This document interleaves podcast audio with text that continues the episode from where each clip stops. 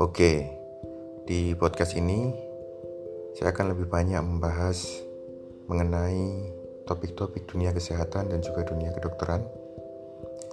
Saya akan sharing, berbagi pengetahuan, eh, opini, kemudian fakta seputar kesehatan.